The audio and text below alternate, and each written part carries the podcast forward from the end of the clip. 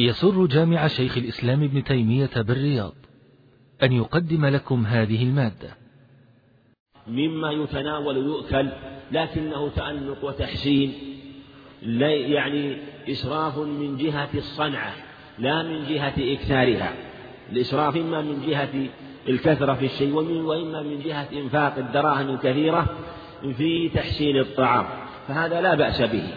أما إذا كان إسراف من جهة المبالغة في جلب الأطعمة والملابس التي لا يحتاج إليها فهذا هو موضع الخلاف. أما إذا كان الإسراف من جهة التأنق وتحسين الطعام وبذل الأموال فيه فهذا لا بأس به. فلو أن إنسان دعا إخوانه وأكرمهم وبالغ في إكرامهم في أن يكون طعاما حسنا طيبا واختار لهم جيد الطعام بالدراهم الكثيرة هذا لا بأس به. وقد ثبت عن أحمد رحمه الله أنه دعاه بعض أصحابه كما ذكره أبو يعلى رحمه الله ومعه أبو خيثمة ويحيى بن معين وكان قد صنع لهم حلوى حلوى جيدة بنحو ثمانين درهم في ذلك الزمن وهذا ثمن غال مرتفع. فقال أبو خيثمة هذا إسراف يقوله برزق لمن دعاه برزق الله ابن موسى الذي دعاه. قال هذا إسراف والإمام أحمد يسمع رحمه الله. فقال أبو عبد الله رحمه الله لو أن الدنيا تكون لقمة واحدة فأخذها المسلم فجعلها في فم أخيه فلا بأس بل هو حسن. قال يحيى بن معين أصبت يا, أب يا أبا عبد الله أصبت وسكت أبو خيثمة فكأنه وافقهم وهذا مما يدل على أنه لا بأس به لكن هذا من جهة المبالغة في التأنق على جهة الإكرام. أما إذا كان الإسراف من جهة الكثرة يعني من جهة الكمية لا من جهة الكيفية. فالإسراف من جهة من جهة الكيفية أو من جهة الكمية. فإن كان من جهة الكم ويترتب على الإسراف عدم استعمال وأكل هذه الأطعمة عدم لبس هذه الثياب فهذا منهي دائر بين التحريم والكراهة. والقول بالتحريم له قوة وهو وهو ظاهر الأدلة وإن خالف ذلك الجمهور وإن كان من جهة الكيفية ويقصد بذلك إكرام قرابة أو صديق أو أهل العلم من إخوانه أو ما أشبه ذلك فلا بأس بذلك ما لم يفوت أمرا واجبا أو مصلحة أتم من هذا. نعم. باب البر والصلة.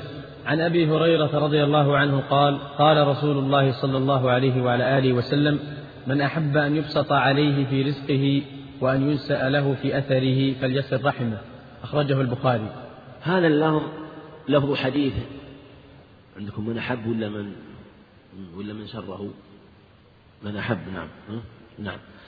من أحب أن يبسط له في رزقه وينسأ له في أثره فليصل رحمه. وفي الصحيحين من حديث أنس من سره أن يبسط له في رزقه وينسأ له في أثره فليصل رحمه. والأثر هو أثر الإنسان أثر خطواته ومشيه. والمرء ما عاش ممدود له أثر لا ينقضي العمر حتى ينتهي الأثر أو لا ينتهي الأثر حتى ينقضي العمر كما قال زهير نبي سلمى و والأثر يتبع العمر. والإنسان ما دام حي ويمشي فأثره يتبع العمر. فإذا انقضى العمر انقطع الأثر انقطع الأثر. ولقال وأن ينسأ له في أثره. فليصل رحمه وهذا فيه فضل صلة الرحم بل وجوبها. والأدلة في هذا المعنى كثيرة عنه عليه الصلاة والسلام في وجوب صلة الرحم. والرحم صلتها واجبة ولا يجوز قطعها. كما قال فهل عسيتم إن توليتم تفسدوا وتقطعوا أرحامكم؟ أولئك الذين لعنهم الله فأصمهم وأعمى أبصارهم. وهو المبالغة في قطع الأرحام. فذكر هذه العقوبات وهذا الوعيد في قطع الرحم. لكن مراتب الرحم كثيرة وتختلف وأعظمها صلة الوالدان كما سيأتي. ثم من يليهم. وجاءت وجاء في هذا المعنى أخبار كثيرة. بل ثبت في الصحيحين من حديث أبي أيوب الأنصاري رضي الله عنه خالد بن زيد أن رجلا جاء إلى النبي عليه الصلاة والسلام وكان كان أصحابه حوله. ثم شق الصفوف إليه. ثم قال يا رسول أخبرني بعمل يدخلني الجنة. قال تعبد الله لا تشرك به شيئا وتقيم الصلاة وتؤتي الزكاة وتصل الرحم. وتصل الرحم. نص على صلة الرحم.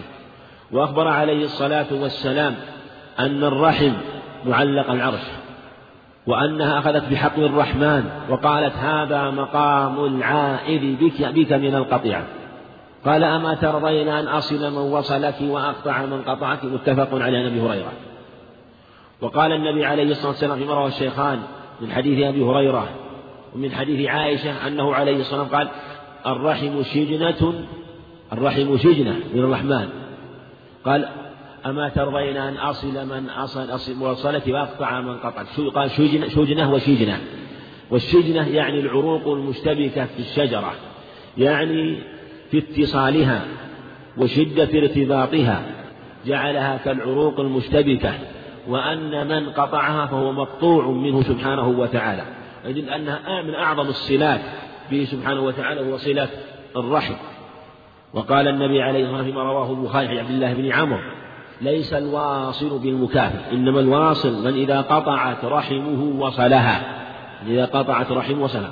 في صحيح مسلم هريرة أن رجلا قال يا رسول الله إن لي قرابة يخبر عن قرابة أصلهم ويقطعوني وأحسن إليهم ويجهلون علي. وأحلم وأحلم عنهم ويسيء إليه قال إن كنت كما تقول فكأنما تسفهم المل. ولا يزال معك من الله ظهير. ما دمت على ذلك.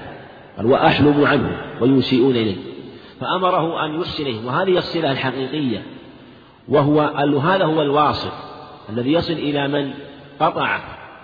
وروى الترمذي بسند جيد أنه عليه الصلاة والسلام قال تعلموا من أنسابكم ما تصلون به أرحامكم. فإن صلة الرحم محبة في الأهل مثراة في المال منشأة في الأهل وثبت معناه من حديث عائشة رضي الله عنها عند أحمد أنه عليه الصلاة والسلام قال صلة الرحم وحسن الخلق وحسن الجوار يعمران الديار ويزيدان في الأعمار. وهذا مشاهد لمن كان بينهم صلة وتواصل فإن له أثر عليه في أموالهم وفي أعمارهم ولو كانوا مقصرين. بل جاء في بعض الأخبار أنهم ولو كانوا عندهم شيء من الفجور فإنهم يبارك لهم في أموالهم وأعمارهم وإن كانوا وإن كانوا مؤاخذين من جهة أخرى. والحديث والأخبار في هذا المعنى عن النبي عليه الصلاة والسلام متواترة كثيرة. ولهذا عظم أهل العلم هذا الشان وبينوه وبينوا أن أعظم الصلة هي صلة الدين وأعظم رحم هي رحم الدين. وإذا كانت الرحم توصل وأن أجرها عظيم فرحم الدين أعظم من رحم الولادة. ولهذا قطعت الصلة بين المسلم والكافر ولا صلة بينه وبينه ولو كان ابنه. وكانت الصلة بين الرجلين والرجل والمرأة والرجل والمرأة والمرأة ولو كان متباعدين في بلديهما وفي جنسهما لأنه تجمعهما قوة الدين والإيمان. إنما المؤمنون إخوة. وهي أعظم الرحم رحم الدين. وإذا اجتمعت مع القرابة كانت أتم وأتم وأعظم. فالأخبار كما تقدم في هذا كثير ومن هذا الخبر الذي ذكره المصنف رحمه قول أن يسأله في أثره اختلف العلماء في على معاني قيل إن هو البركة. في الوقت والبركة في المال والبركة في الذكر الطيب بعد وفاته. وقيل إنه على ظاهره وأنه يزاد في عمره حقيقة وهذا أظهر. أنه يزاد في عمره. فلو أن إنسان يصل رحمه ف أو أن إنسان لا لا يصل رحمه لا يصل رحمه فإن عمره يكون هذا القدر. وإنسان آخر يصل رحمه يكون عمره أكثر منه. وهذا كما ذكر العلماء في صحف الملائكة. فإن صحف الملائكة عندهم أن الله يأمر يقول إن كان إن وصل فلان رحمه فاجعلوا له مثلا من العمر ثمانين سنة تسعين سنة مئة سنة. اجعلوا له مثلا مئة سنة. وإن لم يصل رحمة فاجعلوا له ثمانين سنة. أو إن وصل رحمة فاجعلوا له ثمانين. إن لم يصل رحمة فاجعلوا له ستين. فالذي في صحف الملائكة هو الذي يتغير. والله عز وجل لا يتغير ما في علمه ويعلم فلان ماذا يعمل. وهو عليه قول يمحو الله ما يثبت ما يشاء ويثبت وعنده أم الكتاب. ومنه هذا على أحد القولين. واختلف العلماء هل في أم الكتاب الأول هل فيه محو أو هو خاص بصحف الملائكة؟ على قولين العلم. لكن صحف الملائكة يأتي فيها المحو وهم يراقبون هذا فإن وصل رحمه جعلوا له من العمر هذا الشيء وقبضوه على هذا القدر. لأن الله أمرهم. وإن لم يصل رحمه يقبضونه على القدر الذي أمرهم الله. والله عز وجل يعلم حال هذا هل يصل رحمه أو لا يصل رحمه. هذا هو أظهر القولين بظاهر الخبر كما تقدم. نعم. وعن جبير بن مطعم قال رضي الله عنه قال قال رسول الله صلى الله عليه وعلى آله وسلم لا يدخل الجنة قاطع يعني قاطع رحم متفق عليه. وهذا الحديث أيضا فيه وعيد في قاطع الرحم. لا يدخل الجنة قاطع. قال سفيان يعني قاطع رحم وهذا الذي ذكره سفيان جاء عند البخاري في الأدب المفرد رحمه الله مرفوعا إلى النبي نصا من رواية عبد الله بن صالح عن الليث عن عقيل عن الزهري بهذا الإسناد عن آه، محمد بن مطعم عن جبير المطعم واختلف الرواة عن الزهري وظاهر رواية عقيل أنه مرفوع وظاهر رواية سفيان أنه من تفسيره. إما من نفسه أو أخذه عن الزهري. لكن ظاهر رواية عقيل ابن خالد بن عقيل أنه مرفوع أنه مرفوع. وبالجملة المعنى واضح. لا يدخل جنة قاطع أي قاطع رحم قاطع رحم. وهذا على ظاهر وفيه وعيد شديد. وهذا من الذنوب التي ورد فيها الوعيد. وكل ذنب ورد فيه وعيد الآخر فهو من الكبائر. إذا قالوا إنه ما ورد فيه وعيد أو حد في الدنيا أو نفي إيمان والذنوب لا صغير وكبائر. وكن عالما أن الذنوب صغيرها وكبيرها قسمت في المجو... قسمت سورة في المجود. فما في حد في الدنا أو توعد فسم كبرى على نص أحمد. وزاد حفيد المجد أو جاء وعيده بنفي لإيمان ولعن مبعد. كما يقول ناظم الكبائر حجاوي رحمه الله. من هو حفيد المجد؟ وزاد حفيد المجد أو جاء وعيده بنفي لإيمان ولعن مبعد. نعم. وشيخ الإسلام؟ والمجد هو من؟ جده جده المجد اللي هو عبد السلام تيمية. هو عبد السلام وأبوه عبد الحليم. لكن اشتهر المجد وحفيده. المجد هو عبد السلام وحفيده والحفيد يطلق على على ولد الولد ويطلق على الولد يطلق عليهما لكن المشهور إنه على ولد الولد وقد يطلق على الولد. و وأبوه عبد الحليم عبد الحليم وهو عالم كبير رحمه الله لكنه كما قال الذهبي نجم بين الشمس والقمر اختفى بين الشمس والقمر بين المجد وهو صاحب المنتقى رحمه الله وأبي العباس ابن تيمية أحمد بن عبد الحليم. وكل هذا من الكبائر هذه وهو ما جاء فيه وعيد أو حد في الدنيا أو وعيد في الآخرة أو نفي لإيمان ومن هذا لا يدخل الجنة قاطع ومثله, ومثله ما ثبت في الصحيحين من حديث حذيفة رضي الله عنه. لا يدخل الجنة قتات إيش معنى قتات؟ نمام.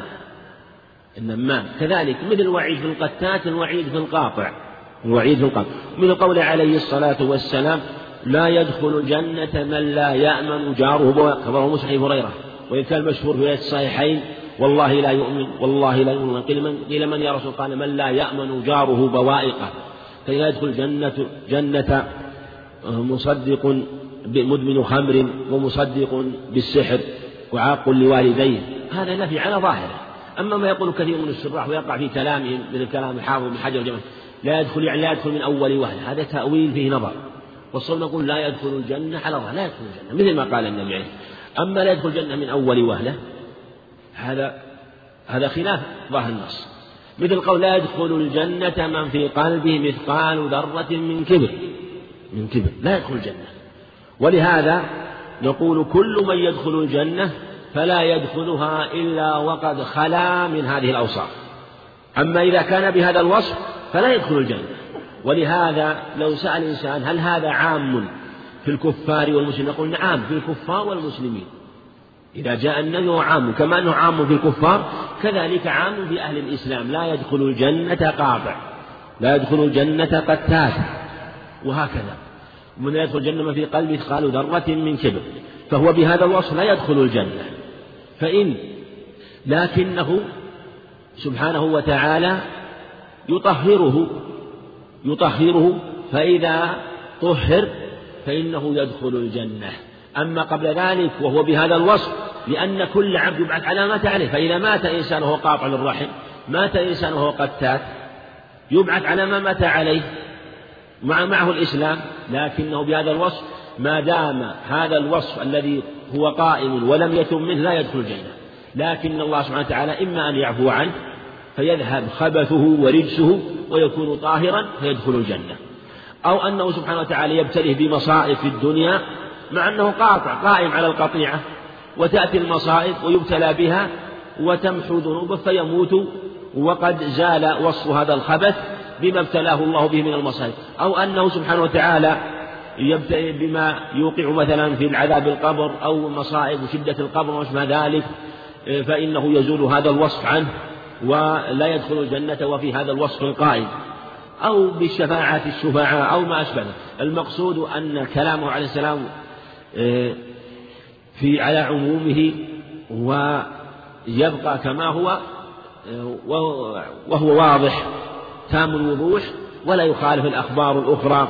إذ لا يدخل الجنة إلا من كان سالم جميع الدنيا لأن الدنيا الدورة ثلاثة. دار لمن خلص خبثهم وهي النار. ودار مختلفة وهي الجنة. فيها الطيبون وفيها الخبث. والدار الكبرى والعظمى هي دار الجنة. أهل الطيب والسلامة من جميع أنواع الشرك. هذه هي دار الطيبين والطاهرين. فلا يدخلها إنسان وهو قاطع. لا يدخلها إنسان قتات بل لا يدخلها إلا هو طيب. فكما تقدم إذا زال هذا الوصف عنه إما برحمة الله أو بشفاعة الشفعاء أو آه، بمصائب أو ما أشبه ذلك فإنه يدخل الجنة. نعم. وعن المغيرة بن شعبة رضي الله عنه عن رسول الله صلى الله عليه وعلى آله وسلم قال إن الله حرم عليكم عقوق الأمهات ووأد البنات ومنعا وهات وكره لكم قيل وقال وكثرة السؤال وإضاعة المال متفق عليه. نعم وهذا مثل ما تقدم في تحريم العقوق وهو من الكبائر من الكبائر وأنه لا يجوز ونص على الأمهات لكثرة حقوقهن. ولأن لها حقوقا كثيرة. كما الصحيحين؟ عن أن الرجل قال يا من أبر قال أمك. قال ثم قال أمك. قال قال أمك. قال ثم أباك. في اللفظ الآخر أمك. أمك أمك ثم أبوك. هذا وهذا. وجاء هذا المعنى أنه عليه الصلاة والسلام أوصاهم بأمهاتهم ثلاث مرات ثم الآباء ثم الأقرب فالأقرب. فنص على برها لأنها عانت أمورا ثلاثة. الحمل آلام الحمل وآلام الوضع وآلام التربية والرضاع في حال الصغر. إن الله حرم عليكم عقوق الأمهات وإلا فالعقوق محرمة للعموم. ثم أيضا الأم في الغالب بضعفها يجترئ عليها أولادها. فلهذا نص على ذلك من جهة أنها بضعفها وتجرؤ أولادها عليها من البنين والبنات. فبين حقوقها وأن الواجب هو القيام بحقوقها وإكرامها ومراعاتها في جميع أحوالها. ووأد البنات وهذه من سنة الجاهلية في أبطلها الإسلام. واختلف في من بدأها ثم يعني في من بدأها هل هي كان وهل الوعد كان لجميع الأولاد من الذكر إناث والجاهلية منهم من يئد البنين والبنات ومنهم من يئد البنات لكن كان وعد البنات فيهم أكثر. وهذا من أعظم القطيعة. ذكر إن هذا من أعظم القطيعة وهو قتل الولد كما سيأتي في حديث عبد الله بن مسعود. ومنعا وهات يقال ومنعا وهات ومنع وهات. وهاتي. ومنعا يعني منع الحق الواجب أنه لا يجوز. وهذا يبين يجب أن يؤدي الحقوق الواجبة. ومن أعظم وألزم الحقوق هو الحقوق الواجبة لك عليك لوالديك. فناسب ذكره فلا يمنع الحق الواجب عليه لأنها حقوق كثيرة. ويشمل جميع ما يجب بذله ولا يجوز منعه. ومنعا وهاتي هاتي أن يطلب ما ليس له. ثم أطلق الممنوع أطلق الشيء الذي يمنع وأطلق الشيء الذي يطلب. ومن من قواعد في علوم البلاغة أن حذف المتعلق وكذلك في الأصول أن حذف المتعلق يشعر بالتعميم. فإذا قال منعا وهات ما ذكر وش يمنع؟ حتى يشمل كل ما يمنع. وأنه يجب بذله وكذلك أن يطلب شيئا ليس له. وكره وكره لكم قيل وقال وكثرة السؤال وإضاعة المال. وهذه ذكرنا فيها بحوث ومسائل وخاصة إضاعة المال وتقدم الله من ذلك. كره لكم قيل وقال. وهذا اختلف اختلف فيه. والأظهر والله أعلم أنه يشمل جميع الأقوال التي لا تتحقق ولا تستند إلى شيء. ولهذا قال النبي عليه الصلاة والسلام في مرة داود بسناد جيد بئس مطية الرجل زعموا وإن كان كلمة الزعم لا بأس بها واستخدمها أهل العلم والرواة وجاءت في الأخبار كثيرا. لكن إذا كانت دائم قوله زعموا ويكثر منها ولا يتحقق فإذا أطلقت ولهذا كان الصحيح أنها بحسب القرائن فإن دلت على عدم التحقق وكثر إطلاقها فمثل هذا مما ينهى عنه. ولهذا روى مسلم مقدمة صحيحة أنه عليه الصلاة والسلام نهى عن ذلك نهى عن ذلك وأن يحدث قال كفى بمرء إثما أن يحدث بكل ما سمع أن يحدث بكل ما سمع. وهذا كما تقدم منهي عنه. قيل وقال. ويشمل كل وكذلك أيضا حذف المتعلق يشمل كل شيء. ثم هذا يشمل الأقوال التي تتحقق والتي تنقل. وأقبحها إذا كانت في غيبة ونميمة. ثم يليها بحسب ذلك مراتب عظيمة. وأيضا يشمل حكاية بعض الأقوال التي تنقل عن بعض أهل العلم من الأقوال التي تقدح فيهم. والواجب صيانة أهل العلم. فأهل العلم من في أي زمان في قديم الزمن وحديث إذا قال قولا أو تكلم بكلام يعلم جد اجتهاده وأنه يريد الصواب فلا يجوز عيبه وشينه بقول قاله يكون عيبا على أهل العلم. فالواجب المناصحة ولا يجوز إشاعة الأقوال الباطلة ونقلها فالمؤمن ينصح عموما فكيف بأهل العلم؟ حق إلا من عرف تماديه في الباطل وما أشبه ذلك فهذا له لون آخر لكن الشأن لا يجوز شيء أهل العلم. ولهذا ذكروا أن الإنسان وجد أقوالا لا تصح فإنه يذكرها ويبطلها لكن لا يذكر أصحابها إلا على سبيل التقدير لهم والاحترام لهم حينما يذكرهم أو أنه يطوي بساط القول في ذلك ولا يذكرهم ويذكر القول ويبين بطلانه ولا يذكر القائل. ولهذا كان النبي عليه السلام يوري في مثل هذا. قل ما بال أقوام؟ ما كان يصرح. وكثرة السؤال. يشمل السؤال سؤال المال وغير سؤال المال. وكذلك السؤال في المسائل التي فيها مغالطة وفيها إلغاز وتحجية وما وإحراج هذه منها. ولهذا روى أبو داود بحديث معاوية رضي الله عنه أنه عليه الصلاة والسلام نهى عن الغلوطات وهي التي يغالط بها. وإضاعة المال أيضا. مثل ما تقدم هذا من الأدلة التي استدل بها جمع من العلم على أن إضاعة المال وهو إنفاقه على وجه الإسراف أنه لا يجوز. نعم. وعن عبد الله بن عمرو رضي الله عنهما عن النبي صلى الله عليه وعلى آله وسلم قال رضا الله في رضا الوالدين وسخط الله في سخط الوالدين. أخرجه الترمذي وصححه ابن حبان والحاكم. وهذا الحديث من رواة من طريق يعلى بن عطاء العامري عن أبي عن عبد الله بن عمرو ويعلى لا بأس به ثقة وعطاء العامري أبو هذا مقبول في درجة المقبول ويحتمل يكون حديث باب الحسن لغيره للأحاديث وبدون حديث فيه لين لكنه في باب الشواهد في باب الشواهد. ورضا الله في رضا الوالدين وسخط الله في سخط الوالدين ولهذا قرن الله شكرا أن يشكر لي ولوالديه وروى الترمذي بسند وفي حديث أبي الدرداء في حديث أبي الدرداء عند الترمذي بسند جيد أن رجلا جاءه وسأله وقال إن لي امرأة وإن أبي قال أمي أمر طلاقها. فقال فيشار بذلك فقال سمعت رسول الله صلى الله عليه وسلم يقول الوالد أوسط أبواب الجنة فإن شئت فاحفظ ذلك الباب أو ضيع أو ضيعه. قال جعل أوسط أبواب الجنة. فالوالد يشمل الوالد والوالدة. وهذا المعنى متفق عليه كما لكن رضاهما في غير معصية الله. المراد رضاهما في غير قال رضا الله. ولا يكون رضاه سبحانه وتعالى إلا في غير معصية إذ لا طاعة لمخلوق في معصية الخالق في الصحيحين إنما الطاعة في المعروف. نعم. وعن أنس رضي الله عنه عن النبي صلى الله عليه وعلى آله وسلم قال والذي نفسي بيده لا يؤمن عبد حتى يحب لجاره أو لأخيه ما يحب لنفسه. متفق عليه. وهذا اللفظ لو قال واللفظ لمسلم لكان أحسن لأن هذا هو اللفظ لفظ مسلم.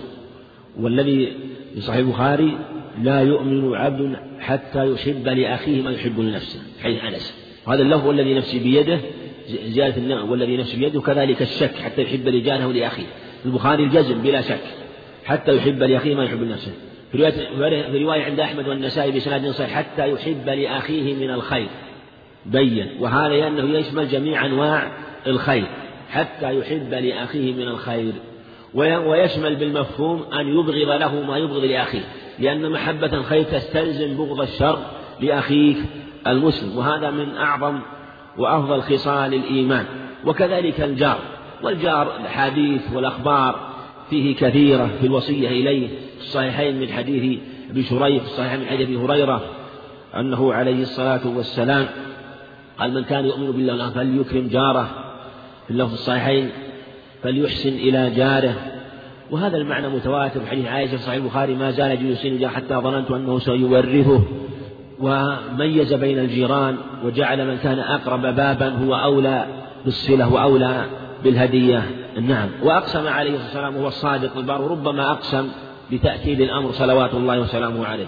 وهذا النفي على ظاهره أيضا والنفي للإيمان الواجب للنفي للإيمان الواجب هذا الصحيح. بخلاف قوله قال يعني أنه الإيمان الكامل. لا الشارع لا ينفي مسمى اسم ويكون المراد به المسمى الكامل. لا لو كان هذا لو كان المراد لا يؤمن علما كامل كان هذا النفي موجود على عموم المسلمين إذ لا يخلو مسلم ومؤمن من نقص في إيمانه وهذا وهذا باطل.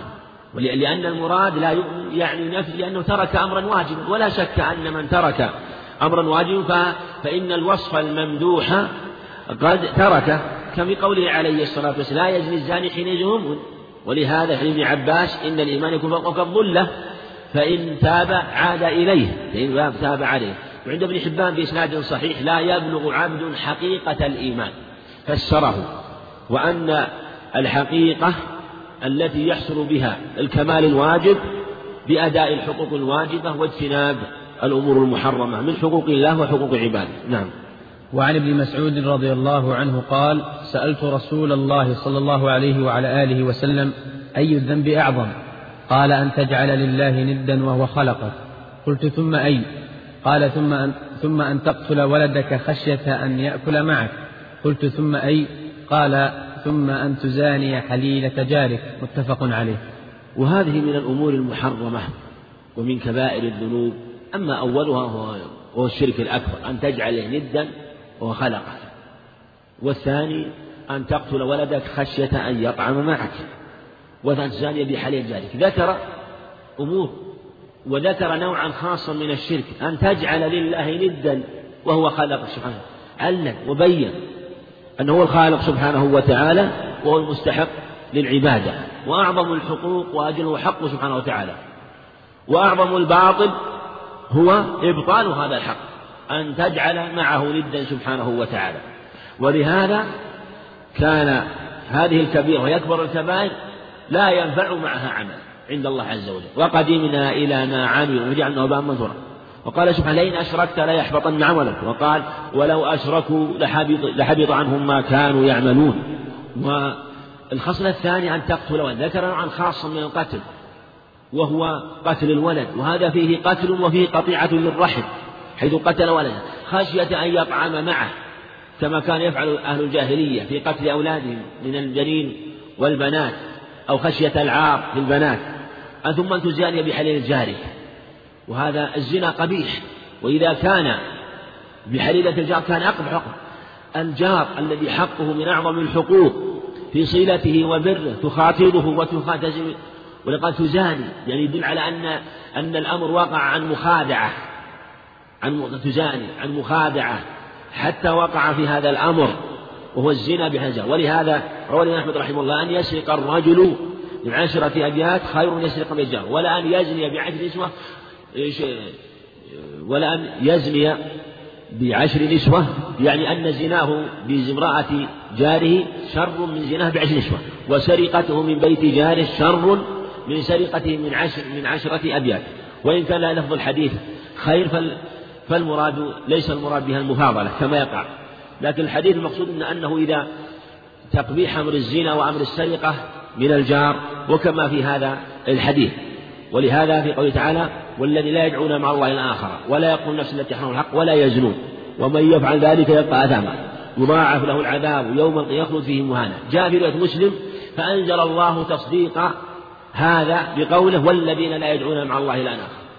الآية نزل تصديقا لما ذكره النبي عليه الصلاة والسلام. وهكذا ما يأتي به هو عليه الصلاة والسلام تارة تتواطأ عليه النصوص في الكتاب والسنة. وهذا أقوى الأدلة وهو ما اتفق عليه الكتاب والسنة.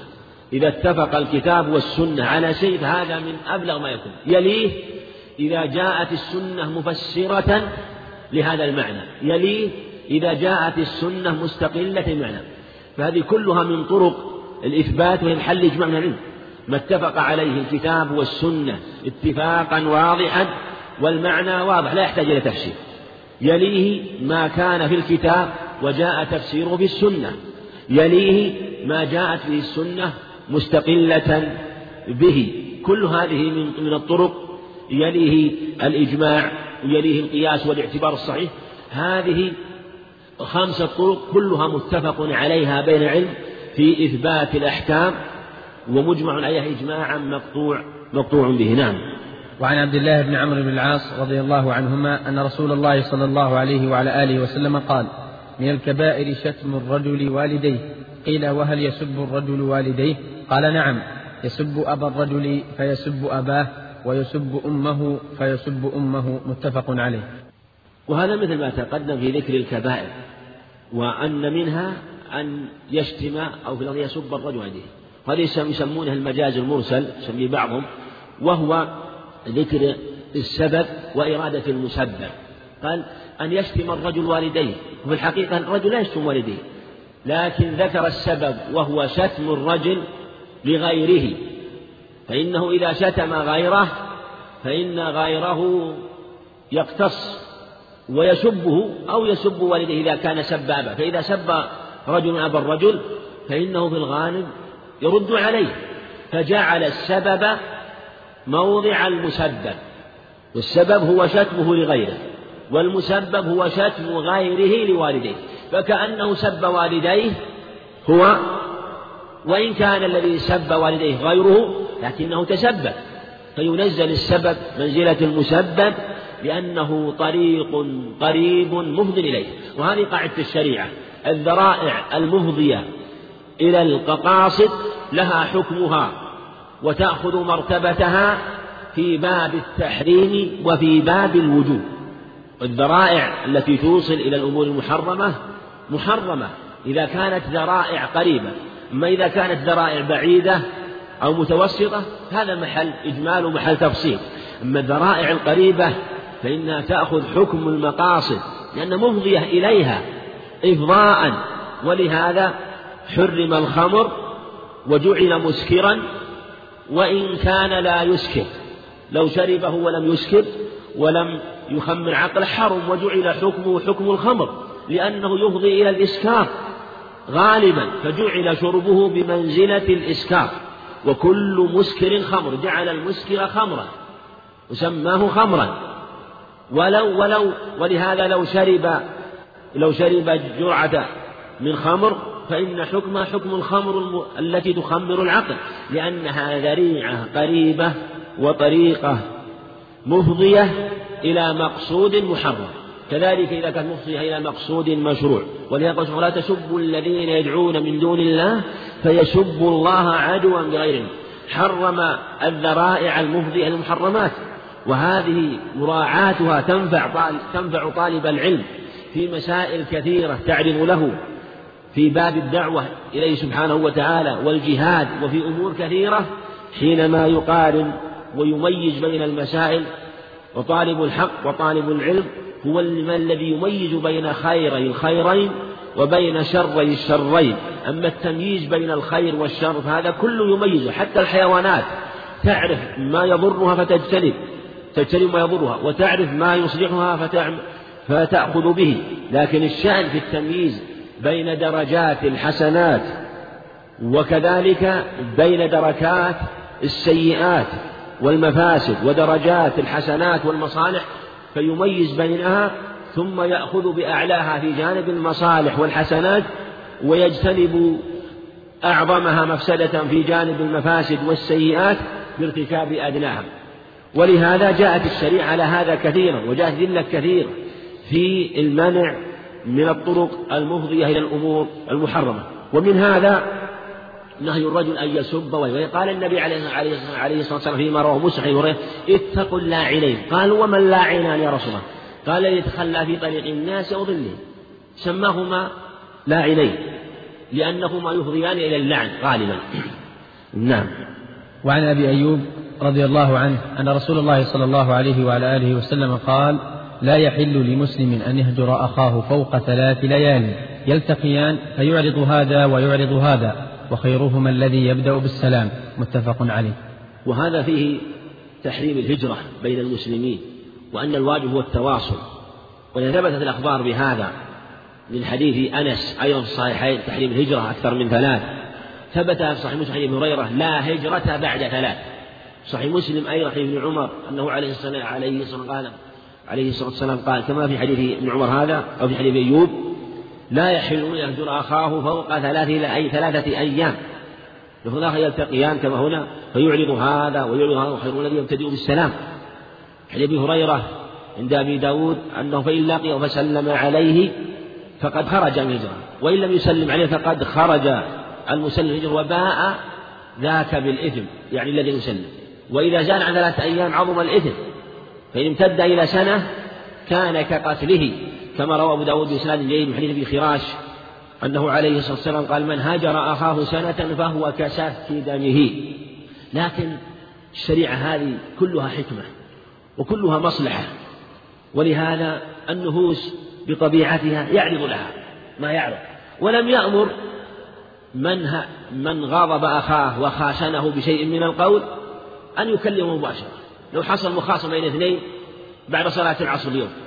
في أمر من أمور الدنيا. اختلف شيء وتهاجر. جاء إنسان أجبرهم. ودعاهم قال تصالح هذا حسن. طيب. حسن طيب. وهذا هو الواجب. وهذا هو المشروع والحسن. لكن لو قال نفسي لا تطيعني الآن. نقول لا بأس. لك رخصة. في اليوم الأول يذهب شورة غضبه. وفي اليوم الثاني يفكر ويعود وينظر. وفي اليوم الثالث تهدأ نفسه أو في اليوم الثاني تهدأ نفسه وفي اليوم الثالث يعود. فرخص له الشاة ثلاثة أيام ثم الصحيح أن ثلاثة أيام أنها اثنتان وسبعون ساعة. خلافا لمن قال أنه إذا هجر مثلا من وسط النهار لا يحسب إلى الليل. والصواب أنه, ثلاثة أيام بلياليها لو ثلاثة أيام. ثم بعد ثلاثة أيام يجب عليه أن يكلم ولا يجوز الهجرة. وهذا فيما إذا كان في أمر من أمور الدنيا. أما إذا كانت الهجرة في أمور الآخرة في معصية هذا باب واسع والهجرة فيه لا أحكامها وهي مبنية على المصالح. قد يهجر وقد لا يهجر لكن وقد لا يهجر لكن هذا فيما يتعلق بأمور الخلاف والنزاع فالهجرة مقدرة بثلاثة أيام ولا يحل له بعد ذلك الهجرة. ثم الهجرة عند الجمهور تزول بالسلام. وذهب أحمد وجماعة إلى أنه إن كان بينهم مودة قبل ذلك من صلة وبر فلا يزول الهجر بينهما إلا بأن يعود إلى ما كان قبل ذلك وهذا هو الأظهر. وهذا لأنه في الحقيقة لا زال في نفس الشيء وقد يستغلها الشيطان في بقيه وقد وهذا واقع كثير. في من لا يعود إلا إلى السلام فإنهما في الغالب يعودان إلى حال من المهاجرة أخرى فالواجب أن يعود إليه فيما كان يعامله قبل ذلك. نعم. وعن جابر رضي الله عنه قال قال رسول الله صلى الله عليه وعلى آله وسلم كل معروف صدقة أخرجه البخاري. حديث جابر رضي الله عنه رواه مسلم من حديث حذيفة معناه كل معروف صدقة والمعروف ما عرف حسنه في الشرع من أمر المعروف والنهي عن المنكر والصلاة والبر وإطعام الطعام وبذل السلام وإزالة الأذى عن الطريق والدعوة إلى الله والتسبيح والتهليل. ثبت حديث عائشة وحديث أبي ذر هذا المعنى في حديث عن أبي هريرة على كل سلامة صدقة كل كل ساعة كل يوم تطلع تعدل بين اثنين صدقة. تعين الرجل فتحمله عليها أو تحمل متاع الصدقة. كذلك حديث عائشة كل تسبيحة صدقة صدقة كل تهليل صدقة وعن المعروف صدقة ونهي عن المنكر صدقة. حديث ذر وفي بضع أحدكم صدقة. الصدقات كثيرة. كذلك حديث ابي ذر الآخر أيضا. ذكر أنواع من الصدقات. في حديث عدي بن حاتم في الصحيحين أنه عليه الصلاه والسلام قال اتقوا النار وبشق تمرة فمن لم يجد فبكلمة طيبة. الكلمة والكلمة الطيبة صدقة. ما في أحد يعدل عن الكلمة الطيبة. وشق التمرة صدقة. شق التمرة. يعني نصف التمرة صدقة. وثبت الصحيحين أن عائشة رضي الله عنها شقت تمرة بين لامرأة. أعطت أعطتها تمرة فشقت نصف فأعطت كل واحدة من أبنائها تمرة. صحيح مسلم أنها كان عندها ثلاث تمرات فأعطتها فأعطتها إياها فأعطت ابنتيها كل واحدة تمرة ثم أردت ترفع إلى فيها تمرة فاستطعمتها ابنتاها فشقتها نصفين فأعطت كل واحد نصف تمرة. ما أحسن هذا الإحسان؟ إلى هاتين الجاريتين الصغيرتين. أمهما تحسن إليهما بشق تمرة. واتقوا النار وبشق تمرة. ولهذا أعجب عائشة شأنها. فأخبرت النبي عليه الصلاة والسلام فقال من ابتلي من هؤلاء في شيء كن له سترا من النار وفي لفظ إن الله قد أوجب لها الجنة وحرم عليها النار. صلوات الله وسلامه عليه. نعم. وعن أبي ذر. وعن أبي ذر رضي الله عنه قال قال رسول الله صلى الله عليه وعلى آله وسلم لا تحقرن من المعروف شيئا ولو أن تلقى أخاك بوجه طلق. وعنه رضي الله عنه قال قال رسول الله صلى الله عليه وعلى آله وسلم إذا طبخت مرقة فأكثر ماءها وتعاهد جيرانك. أخرجهما مسلم. حديث أبي ذر في في معنى حديث جابر لكن فيه نصح وجه لا تحقرن من عرشه ولو أن تلقى أخاك وجه طلق وهذا مثل ما قال عليه الصلاة والسلام في الصحيح عن عائشة لا تحقر. في الصحيحين من حديث عائشة ومن حديث هريرة أنه قال لا تحقرن جارة لجارته ولو فرسنا شاة ولو فرسنا شاة وهذا ثبت حديث أبي جريج بن سليم عند أبي داود بإسناد صحيح أنه قال لا تحقرن من المعروف ولو أن تلقى أخاك وجهك منبسط إليه. مجرد انبساط الوجه إلى أخيك هذا من المعروف فلا يحقر شيئا من المعروف. ومثل ما تقدم والكلمة الطيبة صدقة لأن ما يراد به وجه الله عز وجل لا يحتقر. فالله عز وجل لو تصدق العبد بشيء يسير أو تكلم بكلمة يسيرة ولو تكلم بكلمة يسيرة فإنه عليه فإنه سبحانه وتعالى يقبلها بيمينه يقبل ويربيها قال كما يربي أحدكم فلوة حتى تكون أعظم من يقبل سبحانه وتعالى حتى تكون أعظم من الجبل. لا يحتقر المسلم ما يراد به وجهه سبحانه وتعالى لأنه يضاعفه ويعظمه. ولهذا قال ولو أن تلقى أخاك بوجه طلق لأنه أمر متيسر. وفي حديث وفي حديث آخر أنه قال إذا طبخت مرقة فأكثر ماءها وتعاهد جيرانك. لفظ فأصب منها. حديث جابر عند أحمد رواية الأعمش قال بلغني عن جابر رضي الله عنه أنه عليه الصلاة قال إذا طبخت لحمة أو لحما فأكثر ماءها وأوسع على جيرانك. من فمن لم يصبه اللحم أصابه من المرض. وهذا يبين أن طبخ اللحم أفضل من شيه لأن طبخه فيه مصالح يكون فيه المرق الذي يحصل بطبخه ويكون في فائدة المرق له وبتعاهد من يتصدق به عليه. ولهذا قال إذا طبخت مرقة مرقة فتعاهد جيرانك. ويبين حق الجار بتعاهد. وإذا كان الجار هذا قريب تأكد حقه. وإن كان مسلم قريب تأكد حقه. لأن الجيران ثلاثة. فإن كان مسلما قريبا فله حق الإسلام وحق الجوار حق قرب وإن كان مسلما حقا حق الجوار وحق الإسلام. وإن كان ليس مسلم فله حق الجوار. فالحقوق ثلاثة وكلها حقوق متأكدة. سألوا سبحانه وتعالى ولكم التوفيق والسداد. والله أعلم. وصلى الله وسلم وبارك على نبينا محمد. السلام عليكم. بسم الله قال المؤلف رحمه الله تعالى وعن أبي هريرة رضي الله عنه قال قال رسول الله صلى الله عليه وعلى آله وسلم من نفس عن مؤمن كربة من كرب الدنيا نفس الله عنه كربة من كرب يوم القيامة. ومن يسر على معسر يسر الله عليه في الدنيا والآخرة. ومن ستر مسلما ستره الله في الدنيا والآخرة. والله في عون العبد ما كان العبد في عون أخيه أخرجه مسلم. الحمد لله رب العالمين والصلاة والسلام على نبينا محمد وعلى آله وأصحابه وأتباعه بإحسان إلى يوم الدين. هذا الحديث في فضل إعانة المسلم لإخوانه المسلمين وما فيه من الأجر العظيم. وهذا المعنى تواترت به الأخبار والأدلة. وثبت في الصحيحين من حديث أبي هريرة أيضا هذا المعنى أنه عليه الصلاة والسلام قال المسلم أخو المسلم لا يظلمه ولا يسلمه. بل في الصحيحين هذا من حديث هريرة هنا في الصحيحين من حديث ابن عمر المسلم أخو المسلم. ثم ذكر ثم قال ومن فرج عن مسلم كربة من كرب الدنيا فرج الله كربة من كرب يوم القيامة. ومن ستر على مسلم ستره الله في الدنيا والآخرة. وهذا الحديث فيه فضل التنفيس. من نفس كربة عن أخيه المسلم نفس الله عنه كربة من كرب يوم القيامة. ومن يسر على المسلم يسر الله عليه في الدنيا والآخرة. ومن ستر مسلما ستره الله في الدنيا والآخرة. والله في عون العبد ما كان العبد في عون أخيه. وفي حديث أبي هريرة أيضا هذا المعنى. والله في حاجته ما كان في حاجة أخيه. يعني أنه يقوم بحاجته ويكفلها له سبحانه وتعالى. وهذا المعنى كما تقدم في فضل التنفيس. ذكر هنا ثلاثة أمور. تنفيس الكروبات والتيسير على المعسرين والستر على المذنبين وهذه كلها من أعظم المعاني والحكم. والكربة أو الشدة يشرع تنفيسها والأفضل تفريجها. ولهذا في حديث هريرة قال من فرج وهنا قال من نفس. من فرج عن كربة فرج الله عنه كربة من كربة من كرب الدنيا فرج الله عنه سبحانه وتعالى ونفس عنه هنا كربة من كرب يوم القيامة. كربة من كرب يوم القيامة. وفي ذاك الحديث ذكر التفريج وأن من فرج عن أخيه كربة فيفرج الله عنه سبحانه وتعالى كربة من كرب يوم القيامة. والتفريج أو التنفيس هو تخفيف الكربة تخفيفها. والتفريج هو إزالتها بالكلية ولا شك أن التنفيس له فيه أجر والأفضل والأعظم هو التفريج حتى تزيلها بالكلية حتى تزيلها. بالكلية هذا هو الأفضل والأكمل. والكرب التي تصيب أخاك المسلم مما يعرض له في حياته.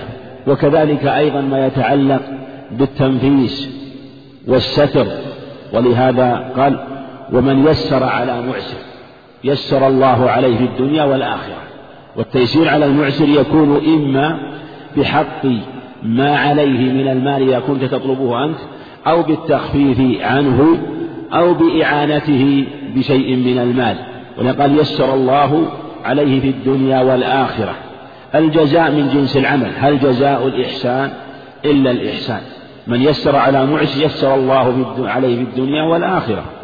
ولهذا ثبت في الحديث الصحيحين أبي اليسر كعب بن عمرو رضي الله عنه في صحيح مسلم أن النبي عليه الصلاة والسلام قال من وضع عن معسر من يسر على معسر أو وضع الله أظله أظله الله في ظله يوم القيامة. بأن يكون في ظل في ظله سبحانه وتعالى يوم القيامة. وفي حديث أبي قتادة في صحيح مسلم أنه عليه الصلاة والسلام قال من سره أن ينجيه الله من كرم يوم القيامة فلينفس عن معسر أو ليضع عنه وهذا يبين فضل التنفيس والتيسير على المعسر. فالتيسير تنفيس عنه. وربما دخل أيضا في الحديث في اللفظة السابقة من جهة تنفيس الكرب من جهة تنفيس الكرب. ولهذا قال من نفس عن كربة من كرب فرج الله عنه نفس عنه كربة من كرب يوم القيامة. فهذا نوع من التنفيس أيضا حينما تخفف وتعين أخاك المسلم. وفي حديث عقبة بن عامر عند أحمد أنه عليه الصلاة والسلام قال كل امرئ في ظل صدقته يوم القيامة. تظله يوم القيامة الإعانة. وكان كثير من السلف يجتهد ويتحرى في مثل هذا ويتحرى المعسرين سواء كانوا له هو الذي يطلبهم أو يكون غيره من الناس.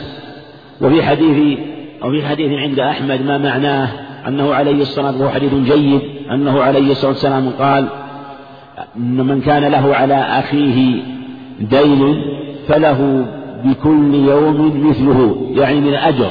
فإن حل الأجل و فإن حل الأجل وأنظره فله بكل يوم مثله من الأجر. أو كما قال عليه الصلاة والسلام ففيه فضل إعانة أن تعين أخاك يعين المسلم أخاه يعين تعين المسلم المسلمة أختها.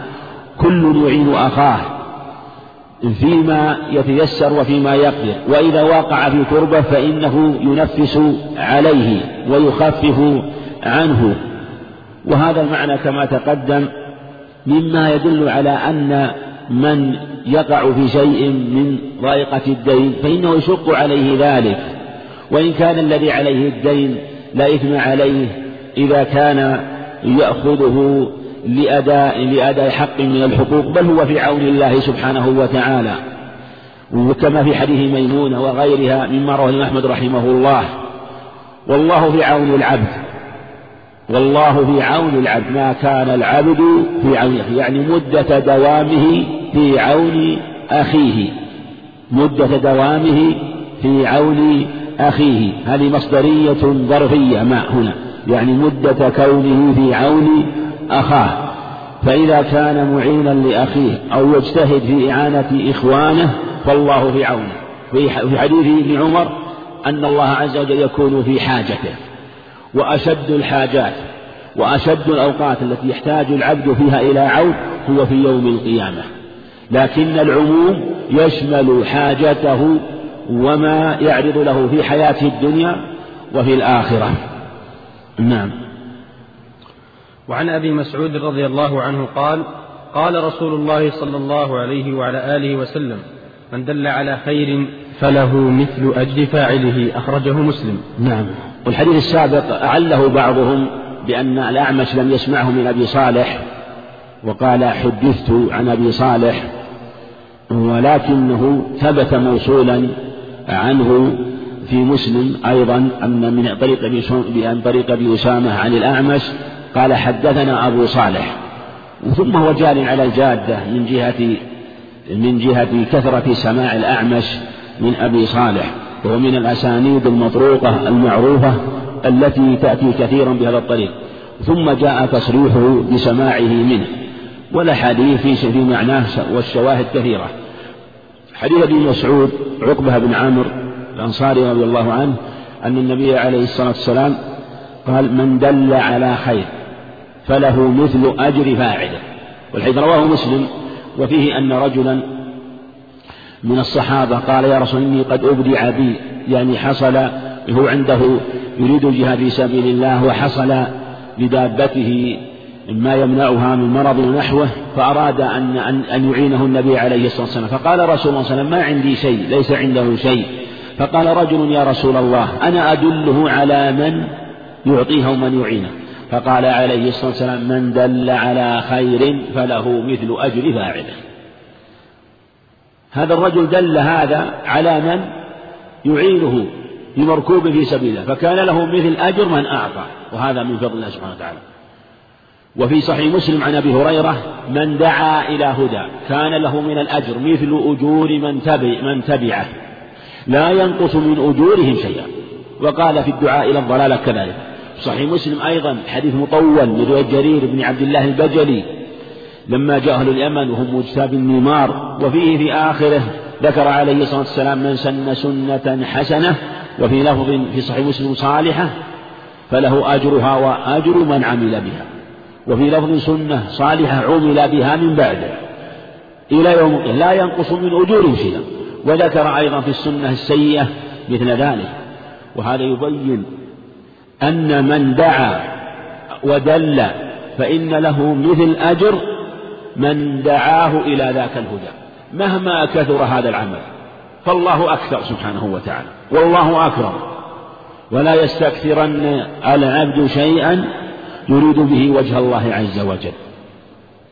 فإنه سبحانه وتعالى لا يتعاظمه شيء أعطاه بل يعطي الكثير الجزيل على القليل سبحانه وتعالى. فمن دعا إلى هدى أو دل عليه أو سن سنة حسنة فإن له أجرها وأجر من عمل بها. ويدخل في هذا ما رواه مسلم من حديث أبي الدرداء من رواية أم الدرداء عن أبي الدرداء رضي الله عنه أن النبي عليه الصلاة والسلام قال من دعا لأخيه بظهر الغيب ملك موكل عند رأسه يقول آمين ولك بمثل إذا دعا لأخيه دعاؤه له إذا دعا لنفسه وإذا دعا لأخيه يؤمن الملك على دعائه ولك بمثل مع أنه ما ربما جعل دعوته لأخيه لكن لما تسبب في خير لأخيه كان الجزاء من جنس العمل فله مثل هذا الأجر فأمن الملك ويرجى أن يجاب الملك في تأمينه على دعائه لأخي للداعي ولمن دعا له. ولهذا ربما كان بركة دعوتك لأخيك حينما تدعو نفسك أعظم وأبرك من تخصيصك لنفسك لأنك تعان بتأمين الملك. إذا دعوت لنفسك لأخيك ولنفسك ولأخيك وأشركت إخوانك وأشركت خصوص إخوانك أيضا لسبب دعا إلى ذلك فإنك يكون دعاؤك أحرى بالإجابة فتؤيد وتسدد بالملك الذي يؤمن على الدعاء. وهذا فيه الحث على الدعاء والحث على سلوك طرق الخير التي تؤلف القلوب وتجمع القلوب ويكون الدعاء من أعظم الأسباب التي تحصل هذه المعاني. بل ما هو أعظم من ذلك؟ يقول النبي عليه الصلاة والسلام كما في الصحيح من حديث أبي هريرة أنه قال الخير ثلاثة لرجل أجر ولرجل وزر ولرجل ستر. ذكر الذي له أن أن أن له أنها له أجر رجل ربطها في سبيل الله في مرج أو روضة فما أصابت في في قيلها ذلك أي في حبلها الذي ربط فيه من ما فإن له حسنات. ولو أنها قطعت طيلها فاستنت شرفا أو شرفين فروثها وآثارها حسنات له. ولو أنها مرت بنهر فشربت منه ولم يرد. شوف ولم يرد. أن تشرب منه كان له حسنات به الله أكبر. يعني ولو كره لأنه ربطها يريد في سبيل الله وربما قطعت رباطها. والخيط والحبل الذي فيه فهربت من هنا أو شردت من هنا فجعلت تشرب من الماء وتمشي في الأرض فتروث. روثها حسنات وآثارها وهو آثار وطئها في الأرض حسنات مع أنه لم يرد ذلك بل إنه قصد أن لا تتجاوز هذا المكان. ومع ذلك فإنه يكتب له حسنات بآثارها وأرواثها وأموالها التي تروثها. لماذا؟ لأن القصد الأول هو نية الله عز وجل نية الصالحة. فما احتوته النية واشتملت فما احتوته وشملته بعد ذلك من عمل ببركة النية الصالحة يدخل فيها كل عمل وإن كان لم يرده وإن كان لم يرد ذلك العمل. بل لو كان كارها له ما دام قصده الأول وجهه الأول لله ولم يتغير وهو ثابت عليه فهذا يدلك على عظيم أمر النية وما يتفرع عنها من الدلالة على الخير والهدى. نعم. وعن ابن عمر رضي الله عنهما قال عن النبي صلى الله عليه وعلى آله وسلم قال من استعاذكم بالله فأعيذوه ومن سألكم بالله فأعطوه ومن أتى إليكم معروفا فكافئوه فإن لم تجدوا فادعوا له أخرجه البيهقي. وهذا الحديث حديث صحيح وفي عزمه للبيهقي قصور. والحافظ رحمه الله له شيء من هذا يقع كثير في البلوغ إما يكون أن يكون وهما في العزو أو قصورا فيه. وهذا قصور في العزو فقال الحديث قد أخرجه من هو أرفع من البيهقي رحمه الله وكذلك أقرب سند وهو الإمام أحمد وأبو داود رحمه الله. وأخرج معناه أيضا أبو داود من حديث ابن عباس هذا المعنى. وفيه من استعاذكم بالله فأعيدوا ومن سألكم بالله فأعطوه. فيه الأمر بإعادة من استعاذ بالله وكذلك من وكذلك من سأل بالله ومن أتى إليكم معروف فكافئوه. فإن لم تجدوا ما تكافئوه فادعوا له لظهر حتى تروا أو تروا أن قد كافأتموه. وهذا المعنى ثبت أيضا عند الترمذي بسند جيد من حديث أسامة بن زيد أنه عليه الصلاة والسلام قال من صنع إليه معروف فقال لفاعله جزاك الله خيرا فقد أبلغ في الثناء. وفي حديث جابر وفيه ضعف أنه قال من صنع إليه معروف فوجد فليجزي به. فإن من أثنى فقد شكره ومن كتم فقد كفره ومن تلبس بما لم يعط فهو كلابس ثوبي زور. والأحاديث في هذا المعنى كثيرة وفيه الاستعاذة من استعاذكم بالله فاعله.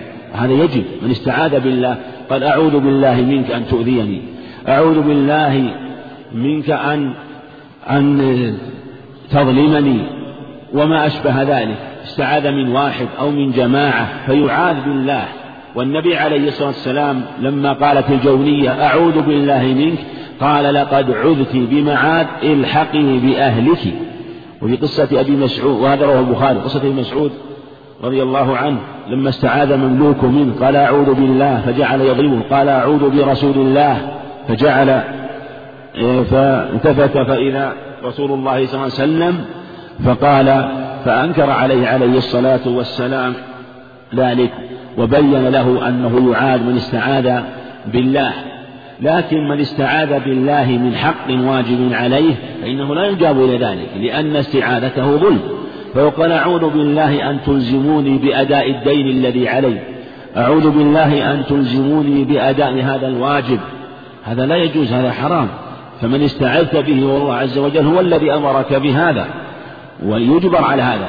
إلا إذا كان الحق الذي لزمه في الأصل لا يستطيعه كدين لزمه ولا يستطيعه. فالمقصود أن هذا أصل معروف في هذه المسألة من جهة وجوب إعادة من استعاذ بالله إذا كان استعاذ بأمر هو له أو استعاذ بأمر مباح في الأصل لا عتب في إعادته ولا ضرر فيه فإنه يعاد. كذلك من سألكم بالله يعطيه قال من أسألك بالله أن تفعل هذا؟ أسألك بالله أنت أن تدلني على هذا؟ أسألك بالله هذا المال؟ أسألك بالله أن تعطيني هذا؟ وما أشبه ذلك. فالسؤال بالله أمره عظيم. ومن سأل بالله فإنه يعطي وإنه ويجيب لأنه سأل بأمر بشيء عظيم وهو الله عز وجل. ولا يجوز إهدار هذا بل إن عدم تعظيمه من عدم تعظيم الله عز وجل. ومن سألكم بالله فأعطوه. وحكمه مثل ما تقدم في من استعاذ بالله أنه أيضا يجاب لكن إذا كان سؤاله ليس فيه ظلم أو سؤاله على سبيل الخصوص ما يسأل الناس على العموم وأيضا لا يكون سؤاله فيه إيذاء أو يسأل في أمر هو لا يجوز تمكينه منه فهذا معلوم من قواعد الشريعة. لكن إذا احتاج إلى شيء أو مثلا سألك بالله بأمر يريد أن تحصله له أو أن تعينه عليه وهو محتاج له ولا ضرر عليك فيه فقواعد الشريعة أن من طلب أمرا معروفا فالأصل أن يجاب لأن كل معروف صدقة. فإذا طلبه وسأله بالله فإن الصحيح أنه واجب خلافا للجمهور بظاهر هذه الأخبار. من سأل بالله فأعطوه من سأل بالله باب. والحكم كما تقدم. كذلك أيضا مثل ما تقدم لا يكون فيه ضرر فلو سأل على العموم أو سأل أمرا يضر إخوانه أو يضر أخاه فإن دفع الضرر عن المسؤول أو دفع الضرر عن السائل ليس بأولى من دفع الضرر عن المسؤول بل إننا ندفع الضرر عن المسؤول لأنه لا حق لك قبلة وأنت تسأل أمرا ليس بواجب ويترتب عليه ضرر فلا يجاوب عنه بل هو ظالم. ولهذا ننزل عليه الأخبار التي جاءت في هذا الباب من حديث أبي موسى ومن حديث ابن عباس ومن حديث ومن حديث أبي هريرة. عن أبي موسى قال ملعون من سئل بالله فلم يعط سائله ما لم يسأل هجرا وفي حديث ابن عباس عند الترمذي أنه عليه الصلاة والسلام قال إن شر الناس من سئل بالله فلم يعطي. ومعناه من حديث أبي هريرة آه، عند عند الإمام أحمد وإن كان فيه ضعف لكنه يظهر أنه محفوظ لأن لفظه كلفظ حديث ابن عباس وهو حديث محفوظ.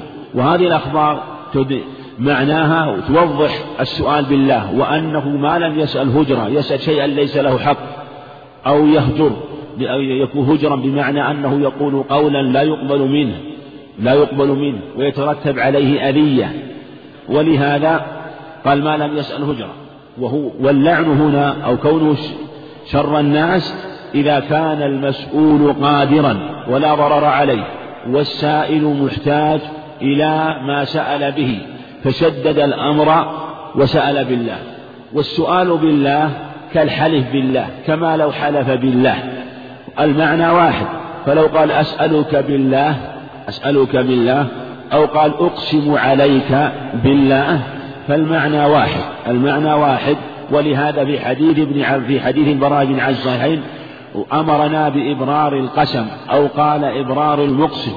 والسؤال بالله السؤال بالله هذه بمعنى الإلزام. فإن كانت الباء قصد بها الإلزام كانت قسما. وإن قصد بها الإكرام لم تكن قسما ولا يلزم الإجابة. لكن إذا قصد بذلك الإلزام فإنه في حكم القسم ويكون فيه الكفار. أسألك بالله أن تحمل لي هذا المتاع. أسألك بالله أن تسامحني لأنه غير مستطيع على الأداء وأن لا تطالبني في هذا الوقت.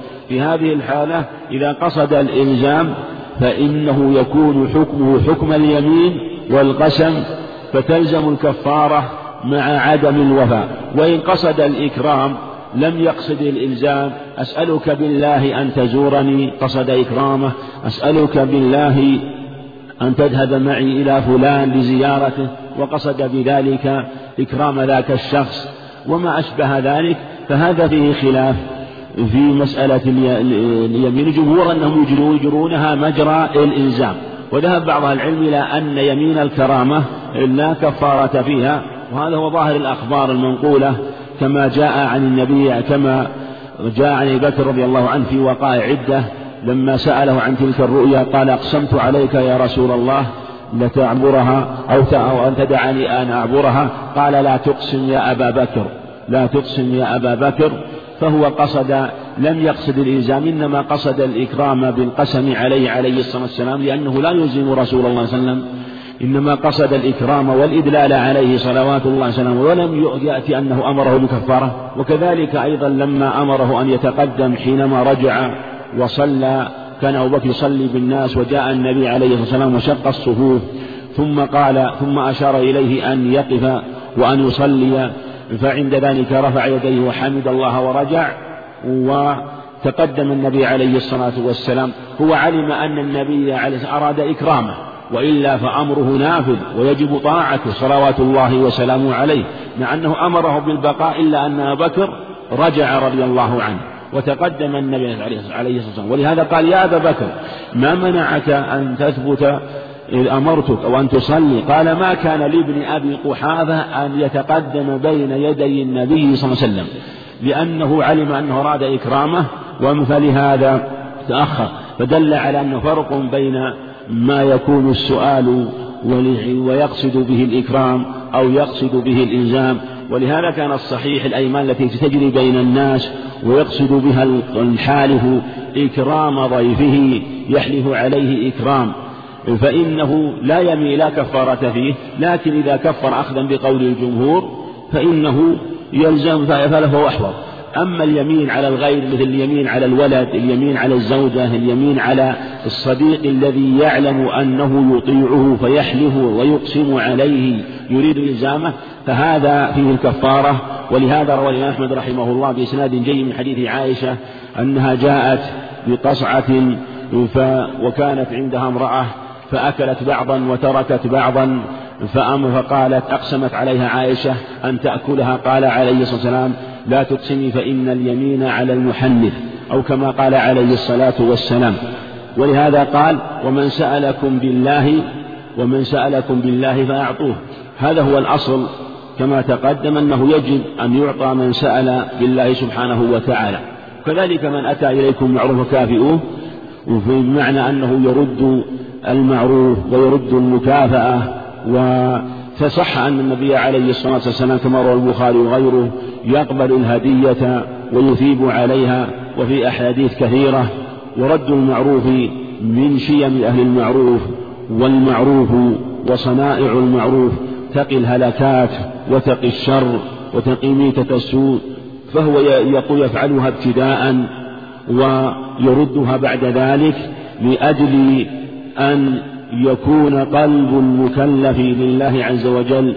وكما سيأتي أن النبي عليه الصلاة والسلام بايع أصحابه ألا يسأل الناس شيئا حتى لا يبقى في قلبه تأله لأحد سواه سبحانه وتعالى. نعم. باب الزهد والورع. وعن النعمان بن بشير رضي الله عنهما قال سمعت رسول الله صلى الله عليه وعلى آله وسلم يقول وأهوى النعمان بإصبعيه إلى أذنيه. إن الحلال بين وإن الحرام بين وبينهما أمور مشتبهات لا يعلمهن كثير من الناس. فمن اتقى الشبهات فقد استبرأ لدينه وعرضه ومن وقع في الشبهات وقع في الحرام. كالراعي يرعى حول الحمى يوشك أن يقع فيه. ألا وإن لكل ملك حمى ألا وإن حمى الله محارمه. ألا وإن في الجسد مضغة إذا صلحت صلح الجسد كله وإذا فسدت فسد الجسد كله ألا وهي القلب. متفق عليه. وهذا حديث عظيم فيه جمل وجوامع من الكلم كسائر كلمه صلوات الله وسلامه عليه. وأورده مصنف وافتتح به باب الزهد والورع وهما مرتبتان شريفتان الزهد والورع. والزهد أعلى من الورع لأن الورع هو ترك ما يضر في الآخرة والزهد ترك ما لا ينفع والورع يكون عن الحرام وعن المشتبه عن الحرام والمشتبه. أما الزهد فإنه يكون في المباح الذي يقود إلى غيره حينما يكثر منه فقد يقع في المشتبه ثم قد يقع في الحرام. حديث النعمان رضي الله حديث عظيم وفيه إن إن الحلال بين وإن الحرام بينهما أمور مسلمة فمن اتقى الشبهات فقد استبرأ لدين الله. ومن وقع في الشبهات وقع في الحرام كالراعي يرى حول الحمى يوشك أن يقع فيه. ألا وإن لكل ملك حمى ألا وإن حمى الله محارمه ألا وإن في الجسد مضغة. إذا صلحت وهي القلب. أي إذا صلحت صلح الجسد كله وإذا فسدت فسد الجسد كله. وقول إن الحرام بين إن الحلال بين هذا يبين أن الأمور ثلاثة حلال بين وحرام بين ومشتبه. فالحلال البين هو ما أحله الله سبحانه وتعالى من المطاعم والمشارب والملابس والمناكح والمراكب وما أشبه ذلك. والحرام بين ما حرمه الله سبحانه وتعالى من الأقوال والأفعال المحرمة وأعظمها الشرك وعقوق الوالدين والكذب والغيبة والنميمة والسحر والبهتان. وما أشبه ذلك من سائر المحرمات التي حرمها سبحانه وتعالى ورسوله صلوات الله وسلامه عليه. وبينهما أمور مشتبهات. هذا هو موضع النزاع والجدال والخلاف بين أهل العلم. وفيه أربعة أقوال مشهورة. قيل إنه ما اختلفت فيه الأدلة وقيل ما اختلف فيه العلماء وقيل هو المكروه وقيل هو المباح. والأظهر القولان الأولان وهو ما اختلفت فيه الأدلة أو اختلف العلماء. والصحيح أن القولان أن القولين متلازمان وهو ما اختلف لأن ما اختلف فيه العلماء ما اختلفت فيه الأدلة يلزم منه غالبا اختلاف العلماء. وهذا اختلاف الأدلة في الظاهر. فإذا حصل خلاف في مسألة من المسائل في الغالب يكون في المسألة قولان فعند ذلك يكون الأمر الاشتباه. وهذا في كل زمان بحسب هذه الأمور المشتبهة ما اختلف فيه العلماء بحسب اختلاف الأدلة. ثم الاشتباه أمر واسع يختلف بحسب الزمان والمكان وبحسب ظهور العلم وقلته قد يكون أمر من الأمور مشتبه وعند في مكان آخر من من الأمور الظاهرة لكن هذا من حيث الجملة من حيث الجملة. وعلى هذا نقول ما اختلف العلماء مثلا في بعض أنواع العقود البيع اختلف العلماء في في بعض مسائل العبادات والزكاة والصوم والصلاة كذلك في بعض مسائل الأطعمة. فالاحتياط فالاحتياط فيه أن يأخذ بالقول الذي يكون فيه الوثيقة وذلك أنه أن يعمل بكلا القولين أن يعمل بكلا القولين. مثلا حينما اختلف العلماء في بعض الأطعمة وفي بعض الصيود مثلا حينما اختلوا مثلا في بعض أنواع الصيود مثل الضبع ومثل القنفذ ومثل الثعلب وما أشبه ذلك في جواز أكلها فإن من احتاط وتركها فإنه يكون عاملا بكلا القولين لأنه إذا لأن الذي يحلها لا يقول إن تركها حرام والذي يحرمها يقول إن الإقدام عليها حرام فإذا أخذ فإذا اجتنبها فإنه يكون آخذا بكلا القولين. وهكذا كثير من المسائل مثل مثلا بعض المسائل في انتقاض الوضوء الذين يقولون مثلا إن لحم الإبل لا ينقض فإنه إذا توضأ منها عند من لا يرى نقضه هو الأحوط لأنه إذا توضأ منها فإن وضوءه صحيح على جميع الأقوال. وإن لم يتوضأ منها فقول فوضوءه باطل على أحد القولين وإن كان هو يتبع الذي يعتقد. كذلك مثلا في بعض المسائل في مسائل الطهارة وهي بحر لا ساحل له. وكذلك في مسائل كثيرة لكن ينبغي أن يعلم أنه في بعض المسائل التي يقع فيها الخلاف ينبغي أن أنه ينظر. إن كان الخلاف فيها ظاهر والدليل ظاهر فالعمل بالقول الأحوط لا عتب على من عمل به مثل انتقاض الوضوء بلحم الإبل. فهذا هو القول الصحيح لظاهر الأدلة. لكن هنالك مسائل الدليل فيها ظاهر واضح. ولا يكون القول الثاني إيه، شبهة لضعفه لضعفه. فالشبهة إذا كانت قوية هو الذي يكون فيها الاحتياط. وإذا ضعفت في هذه الحالة الاحتياط هو العمل بالسنة. وهذا في بحث محل تفصيل لأهل العلم في هذه المسألة. ثم قول النبي عليه السلام كما في اللفظ هنا لا يعلمهن كثير من الناس. يبين أن الاشتباه في الحقيقة نسبي وأن أمر المشتبهات تظهر لأهل العلم المحققين الراسخين تظهر وتتبين المشتبه في وهذا يختلف اختيار قد يظهر في وقت وفي زمان لأناس من أهل العلم هذا القول وقد لا يظهر لآخر من العلم وهكذا. ويكون شبهة في حقه لأنه مظهر ولا يكون شبهة في حق غيره ظهورا وعلى هذا يكون يكون الشب يكون تكون الشبهة إذا وقعت فالناس فيها لهم ثلاثة مواقف. الموقف الأول من يجتنبها لعدم ظهور ظهور الحق بدليله فيقف ويتقيها فمن اتقى الشبهات فقد استبرأ لدينه وعرضه وهذا قد أخذ بالثقة. وشخص وقوم آخرون أقدموا عليها ولم يبالوا. بلا نظر بلا بصيرة فهذا يوشك أن يجسر على الحرام.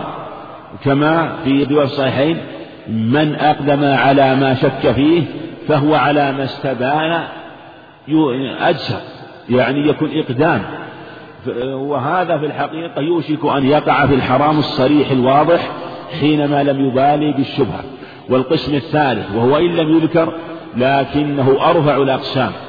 وأعلاها وأجل الأقسام وهو الذين وهم الذين تتبين لهم الشبهة وتظهر وتتضح تظهر وتتضح وهم أهل العلم فينظرون في الأدلة ثم لا يكون الأمر مشتبها بل يكون واضحا بينا عندهم فيعلم هل هذه من الشبهة وليست من الشبهة فيجتنب أو يعمل لكن بالجملة لا بد أن يكون هناك بعض الأمور التي يكون الخلاف فيها قويا فيحصل شيء من التوقف وإذا نظر واجتهد ثم ترجح له أحد القولين بشيء من الترجيح فإنه تزول الشبهة في حقه. نعم. وعن أبي هريرة رضي الله عنه قال قال رسول الله صلى الله عليه وعلى آله وسلم تعس عبد الدينار والدرهم والقطيفة إن أعطي رضي وإن لم يعط لم يرضى أخرجه البخاري. نعم وهذا فيه التحذير من الانغماس في الدنيا والاغترار بها والانسياق وراء ملذاتها وقد تعس عبد الدينار تعس عبد الدرهم تعس عبد القطيفة تعس عبد الخميلة تعس وانتكس وإذا شيك ولا فلانتقش. يدعو النبي عليه الصلاة والسلام على من كان هذا وصفه وهو الذي يتبع الدنيا ولا يبالي كما في الحديث أمن حلال أم حرام؟ حديث خولة إن رجالا يتخوضون في مال في مال الله بغير حق فلهم النار يوم القيامة. لا يبالي أخذ من حلال أو من حرام فهذا عبد وليه سماه عبد وهذا وصف فيه قبح وذلة ومهانة حيث كان عبدا للدينار وكان الواجب أن يكون الدينار في يده ليس في قلبه. فيأخذ الدينار والدرهم ويجعله مستخدما له كما يستخدم حذاءه وكما يستخدم خلاءه وكما يستخدم الأشياء التي يلبسها ويفترسها هكذا يكون تكون الدراهم والدنانير حتى لا يخدع وحتى لا, تسوقه إلى أمر محرم. ولهذا ما قال تعس صاحب الدينار.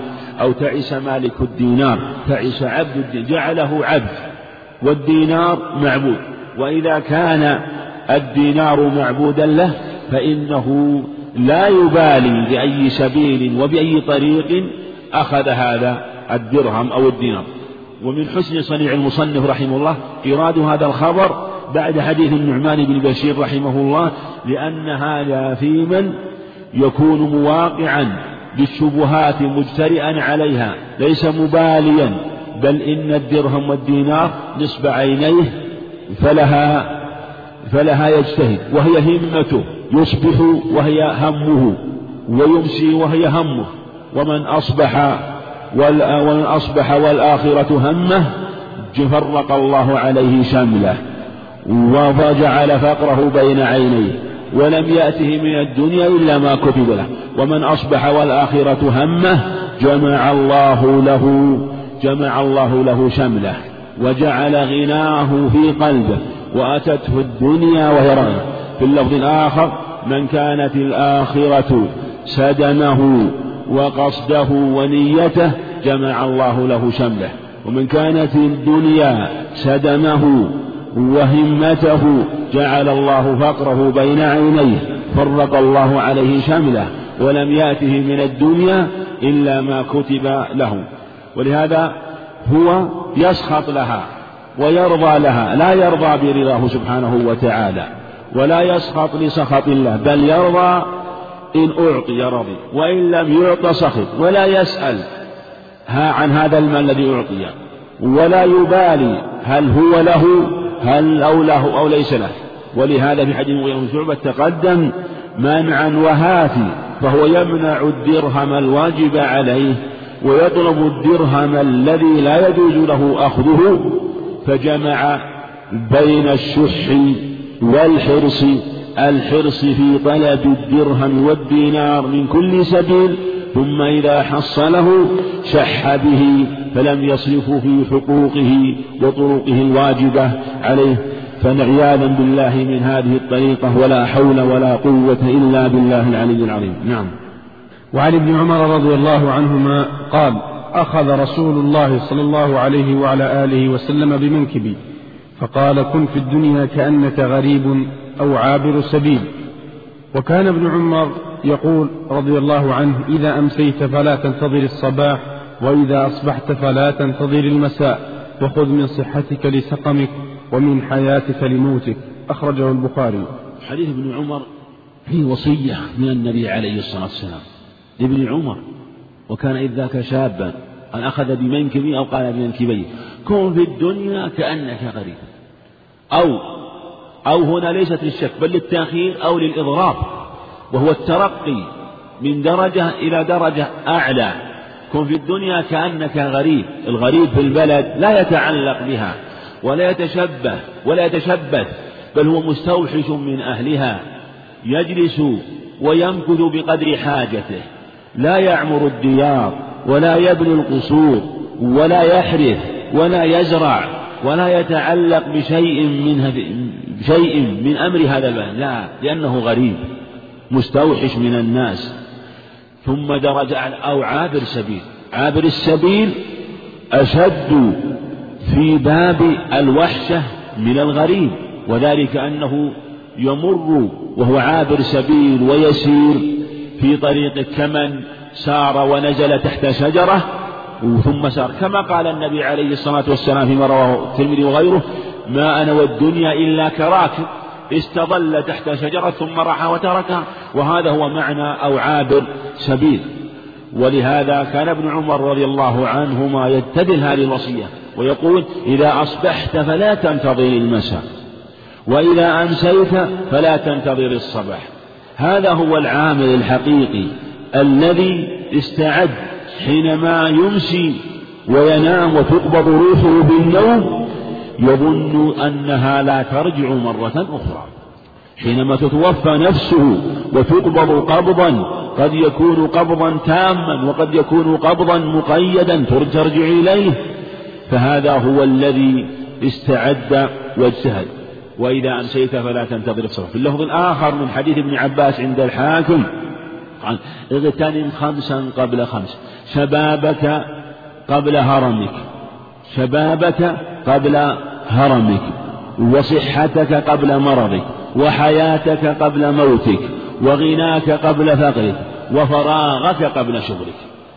يستغل هذه الخمس لأنه إذا عرض له هذه الأمور ندم ولا تساعة مندم انتهى.